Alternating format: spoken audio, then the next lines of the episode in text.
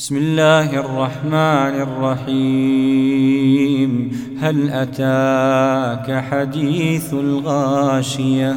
وجوه يومئذ خاشعة. عاملة ناصبة. تصلى نارا حامية.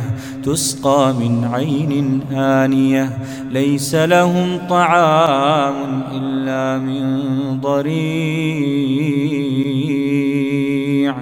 لا يسمن ولا يغني من جوع. وجوه يومئذ ناعمة لسعيها راضية في جنة عالية لا تسمع فيها لاغية.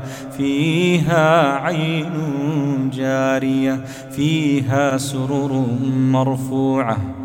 وأكواب موضوعة ونمارق مصفوفة وزرابي مبثوثة أفلا ينظرون إلى الإبل كيف خلقت وإلى السماء